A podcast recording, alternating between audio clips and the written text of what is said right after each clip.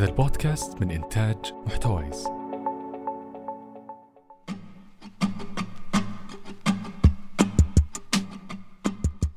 أهلا أنا دعاء البري وهذه الحلقة الرابعة من سلسلة من أحياها من بودكاست عند اللزوم. بداية الإعداد والبحث بهذه الحلقة مؤلمة بما تعني الكلمة لأني شفت وقريت وسمعت أشياء خلتني أحس أن العمليات الجراحية كانت عبارة عن مجازر. من أحياها وقدر يحول العمليات الجراحية من مجزرة إلى مكان آمن ما يحس الشخص فيه بأي شيء حوله. مين قدر يحول هالمكان شفاء لأمراض وحل كثير من المشاكل الصحية.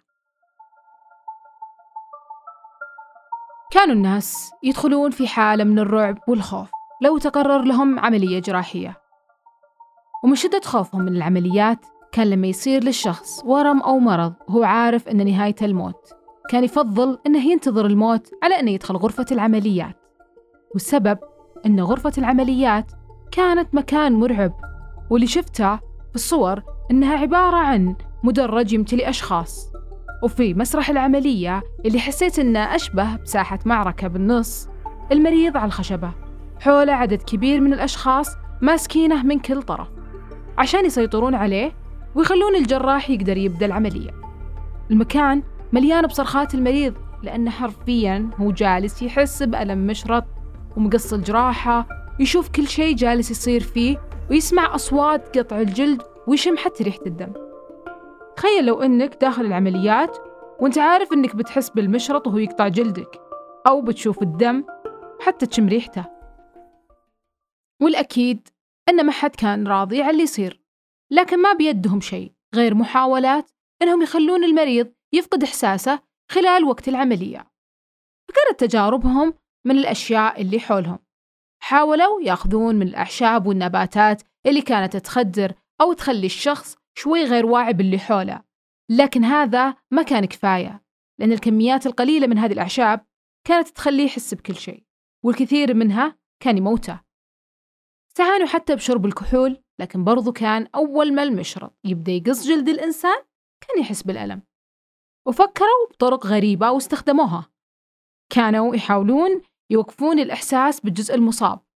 فمثلا لو كانت العملية باليد كانوا يحطونها بالثلج. ومع مرور الوقت كانت تهبط الحرارة فيها ويبدأ المريض يفقد الإحساس. ويقدرون يسوون عملية سريعة بهالطريقة.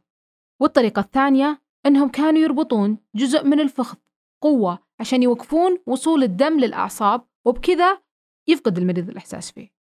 أما الطريقة الثالثة وهي الأكثر إجراما من وجهة نظري أنهم كانوا يضربون رأس المريض من الخلف بمنطقة معينة تخليه يفقد الوعي على بين ما يجرون العملية. تختلف الطرق على حسب مكان العملية لكن كلها كانت أحيانا تخلي المريض فجأة يقوم بنص العملية ويشوف كل اللي صاير فيه. المسلمين كان لهم يد في تطوير هالعلم وكانوا يسمون التخدير بالمرقد. وهم أول من اخترعوا الإسفنجة اللي كانوا يغطونها بمادة مخدرة ويخلونها تنشف وكل ما يحتاجونها يبللونها بموية ويحطونها على أنف المريض اللي يروح بعدها في نوم عميق ويجرون للعملية بدون أي إحساس. وبعد كل الأفكار والاختراعات اللي ذكرتها والكثير غيرها بدوا يتوصلون لحل يخفي إحساس المريض في 16 عشرة 1846 ميلادي. كانت أول عملية تجرى بالتخدير. استخدم فيها ويليام مارتن غاز اسمه الإيثير وكانت العملية لاستئصال ورم. صح بعدها المريض وأثبت للجميع أنه ما حس بأي شيء خلال وقت الجراحة. وبهذا التاريخ صار اليوم العالمي للتخدير.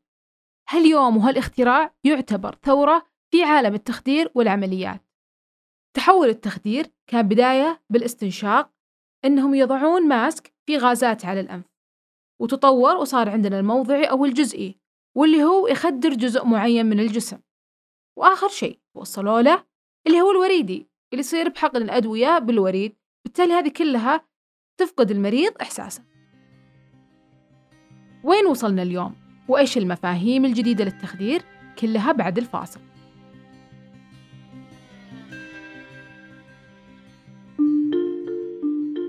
بعيدا عن الاقتصاد ولغة الأرقام يقدم لكم مشهور دبيان بودكاست سوالف business. واللي في كل حلقة نسمع تجربة مختلفة وجديدة لرواد الأعمال. بدون مجاملات ولا تنظير. بس كيف تضمن إن المعلم بيعطي ال- ال- ال- الدروس بنفس الجودة؟ يعني كيف تضمن مثلا ما يجيك معلم طالع طلاب ثوب نوم على سبيل المثال وقاعد بيعكس صورة يمكن سلبية عن ال... آه، طبعا. إحنا ما ما في ما في فيديو ترى بس صوت وكتابة على الشاشة. آه okay. أي بس آه، بس فعلا نقطتك وجيهة. إحنا بالبدايه إحنا نختار معلمين كنا إحنا ندقق وراهم.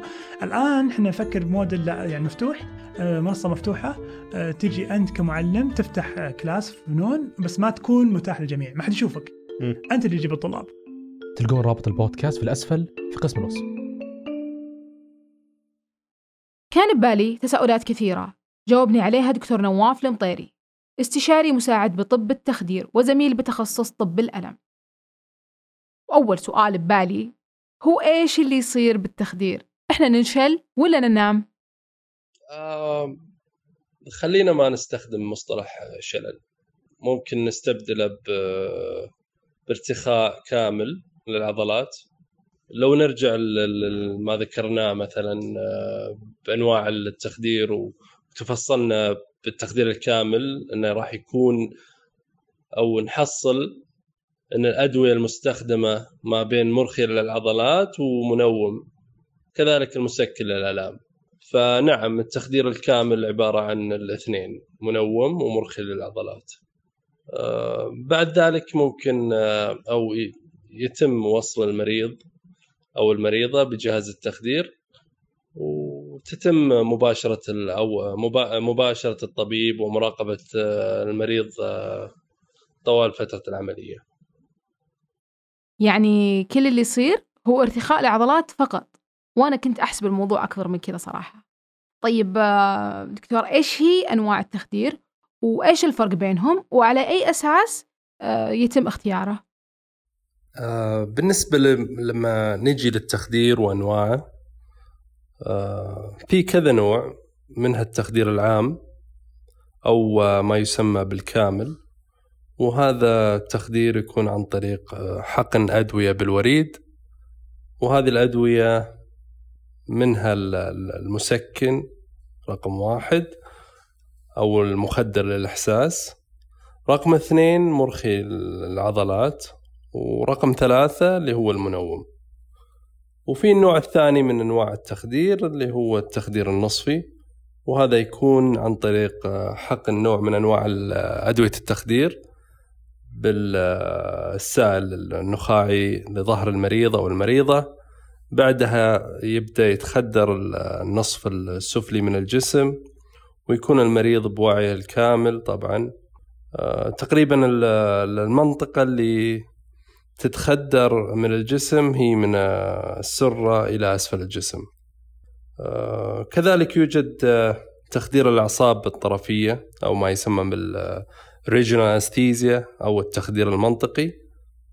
والنوع الرابع من التخدير اللي هو التخدير الموضعي. أما النوع ال- الخامس والأخير آه، اللي يكون أقل من كونه تخدير ونسميه إحنا مهدئ.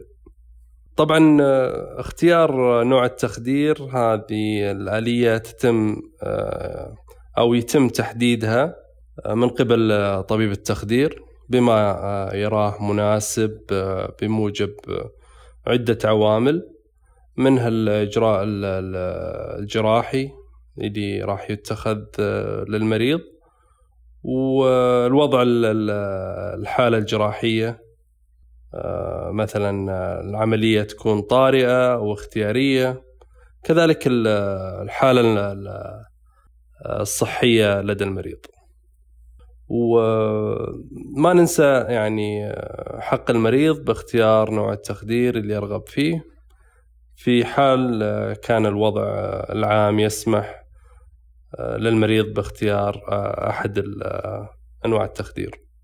آه، يعني آه، وقتها يخير المريض بعد شرح آه، محاسن ومساوئ كل واحد فيهم وله الحق طبعا باختيار أحدهم. طب دكتور والتنويم اللي يصير بالعناية المركزة وش فرقه عن ال- آه، تخدير العمليات الطبيعي؟ آه هذا سؤال جميل ومهم. آه بس آه نرجع قبل ما نشرح الفرق بينهم لازم نذكر إن المريض أو المريضة كونه متواجد أو متنوم بالعناية المركزة هذا يعني إن حالته غير مستقرة أو حرجة وعادة ما تحتاج الحالة الدعم تنفسي أو البدء في بروتوكول علاجي يستدعي تخدير المريض.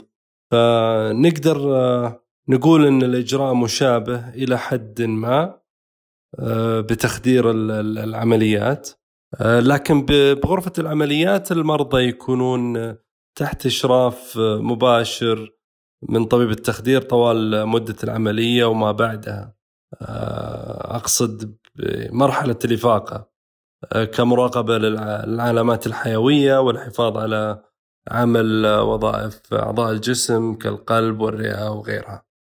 كثير نسمع إن في ناس بسبب شربهم للقهوة أو الكافيين يصير صعب تخديرهم بالعمليات أو إن مفعول التخدير ما يظهر عليهم بالجرعة البسيطة. ممكن أعرف ليش هالشيء يصير؟ للأسف هذا الكلام يمكن متداول عند البعض وحتى مصدق يعني لكن الحقيقة إنها معلومة خاطئة يمكن صح في فروق نسبية بين شخص وآخر باستجابته للتخدير وهذه ترجع لأسباب أخرى ما لها علاقة بشرب القهوة أو إدمان الكافيين أو حتى خلينا نقول الشاي. وحتى هذه الفروق ما توصل إن الشخص يتخدر والآخر ما يتخدر أو يحتاج جرعة كبيرة من التخدير. هذا الكلام غير صحيح وخالي من الأدلة والبراهين الطبية. صراحة دكتور أكثر شيء يخوفني بالتخدير هو هلوسة التخدير ليش تصير الهلوسة هلوسة التخدير أو الهذيان هي تعتبر أحد مضاعفات التخدير وحدوثها قليل نسبيا وقد تكون معدومة الذكر بالأخص في العمليات البسيطة أو المتوسطة. حدوثها مرتبط العوامل الكثيرة منها العمليات الكبيرة أو أنها تكون فترتها طويلة. كذلك يكون حدوثها عند كبار السن ومن لديهم مشاكل سابقة من إدراك أو حتى بالذاكرة. وقد تصاحب أيضا فئة عمرية من صغار السن. وترتبط كذلك ببعض الأدوية وأغلب الأوقات تكون مؤقتة وتزول عند مجرد خروج المريضة والمريضة من غرفة الإفاقة. شكرا مرة دكتور. والله إنك ريحتني. كنت دايم أفكر إنه لو يوم تعرضت لعملية وش بقول؟ شيء بندم عليه بعدين. طب دكتور أسمع بالغاز الضاحك دايما. ممكن تشرح لي كيف يشتغل أو إيش هو أصلا؟ غاز الضحك أو الغاز الضاحك أو ممكن نسميه بالمسمى العلمي nitrous oxide. هو غاز يعطى للمرضى عادة بنسبة معينة ويكون ممزوج مع الأكسجين. طبعا هذا الغاز استخدم أول مرة وما زال يستخدم بكثرة مع التخدير الموضعي للأعصاب عند إجراء عمليات تخص الأسنان. طبعا بالإمكان أنه حتى يستخدم للحوامل. طبعا هذا الغاز يساعد بتقليل حدة القلق والتوتر كذلك تخفيف الآلام عند الولادة. والغاز يتوفر كغاز إضافي ضمن التخدير الكامل. حيث يتواجد بأجهزة التخدير في غرف العمليات. مع الأسف سمعنا بسوء استخدام البعض لهذا الغاز وإدمانه. مع العلم بوجود مضاعفات عند استخدامه بدون رقابة أو إشراف طبي قد تنتهي مضاعفاته بالوفاة لا سمح الله. بالنهاية دكتور وش أكثر الخرافات اللي موجودة في عقول المجتمع اللي حولك ودائما تسمعها وهل هي صحيحة ولا خاطئة؟ الحقيقة اللي ودي آه، أذكرها وتخص آه، تخصص التخدير أو مجال التخدير طبعا التخدير يعتبر الأأمن والأفضل من ناحية سلامة المريض ويعتبر كذلك الأقل في نسبة الوفيات آه، لو قارناه بالتخصصات الطبية الأخرى وهذا الشيء طبعا مثبت بأرقام ودراسات وعليها براهين طبية. آه، هذه كذبة قديمة ونسمعها ليومنا هذا وتعتبر مخاوف المرضى حتى تذكر أمامي إنه والله يا دكتور أنا خايف من جرعة زايدة أو آه، قلل لي التخدير آه، سمعت أو قريت إن فلان آه، صار له مضاعفات من جرعة زايدة أو حتى كانت سبب الوفاة تخدير وجرعة زايدة بالغلط. لازم الكل يدرك إن الأدوية ما تنعطى للمرضى إلا بعد حسبة معينة حسب الوزن ولو قلنا صار في خطأ ما راح يوصل الموضوع المضاعفات أو وفاة لا سمح الله.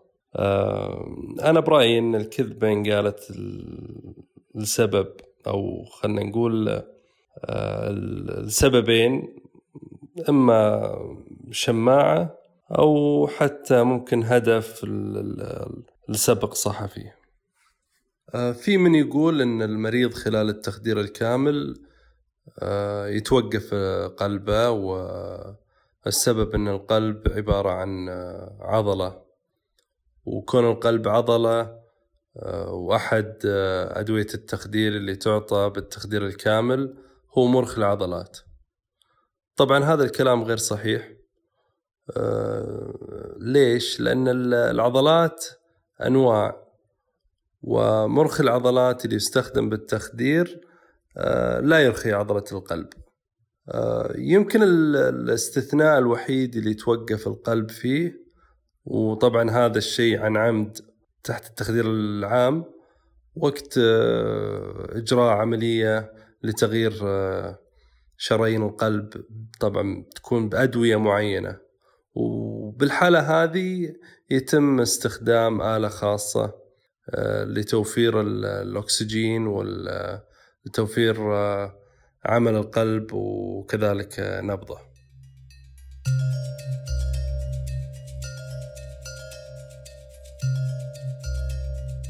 وبنهاية الحلقة أتمنى أني قدرت أخفف من رعب البعض من العمليات وقدرت أجاوب على جميع تساؤلاتكم عن التخدير. اكتبوا لنا في التعليقات لو مريتوا بتجربة التخدير والعمليات وإيش مواقفكم معها. اشتركوا في البودكاست حتى يوصلكم كل جديد. نتمنى لكم دائما الصحة والعافية. ترى كل اللي قلناه فقط عند اللزوم.